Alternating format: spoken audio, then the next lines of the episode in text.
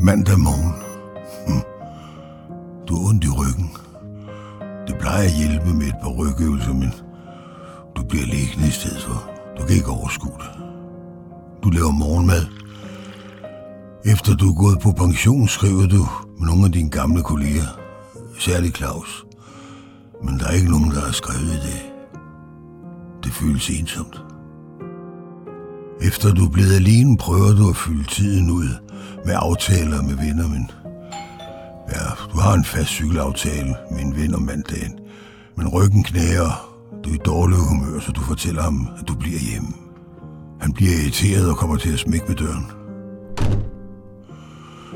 Du har brug for at handle til aftensmad. Køen er lang, og der er en presset stemning i kassen. Bag der står en mor med et barn, der er gået helt i selvsving. Det er utroligt, folk ikke kan finde ud af at opdrage deres børn. Du sender moren et brækkende blik. Så er du hjemme. Forestil dig lige et øjeblik, hvordan du har det, når du står her. Hvordan er dit humør? Efter aftensmaden ringer din søster, men ah, du er ikke lige i humør, så du, du lader den ringe.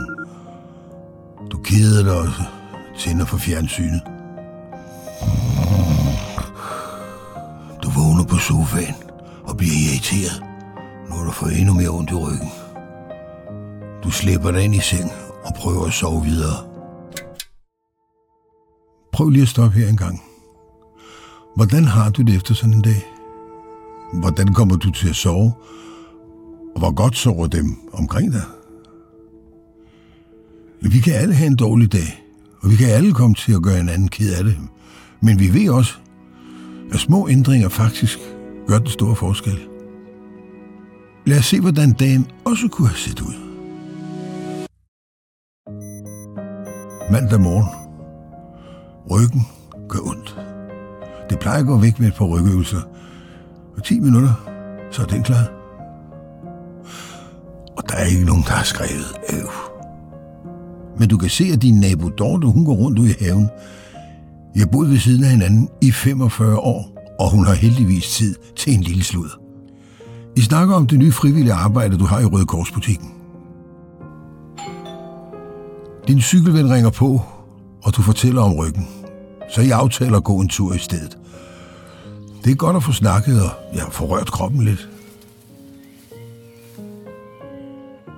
Du har brug for at handle til aftensmad. Køen er lang. Moren ligner en, der godt kunne bruge lidt opmuntring, så øh, du smiler til hende og laver et sjovt ansigt til barnet. Så er du hjemme. Hvordan har du det, når du står her? Altså hvis du sammenligner med den første version af dagen. Efter aftensmaden ringer din søster. Det er rart at snakke med hende. I aftaler at mødes ugen efter. Du er træt i kroppen, Ach, så du, du går i seng i god tid. Og så er du også tid til at læse lidt i en roman. Prøv at mærke efter, hvordan du har det efter sådan en dag. Hvordan er dit humør og overskud? Hvordan tror du dem omkring dig har det? Mistrivsel smitter, men det gør trivsel heldigvis også. Vi bliver påvirket af vores omgivelser, ligesom vi påvirker omgivelserne. Der er mange ting, vi selv kan gøre, både for vores egen trivsel og for andres. Ofte er det små justeringer i det daglige, der til sammen gør den store forskel. Hvordan ser din hverdag ud? Og hvad kan du gøre for at forbedre din egen og andres trivsel?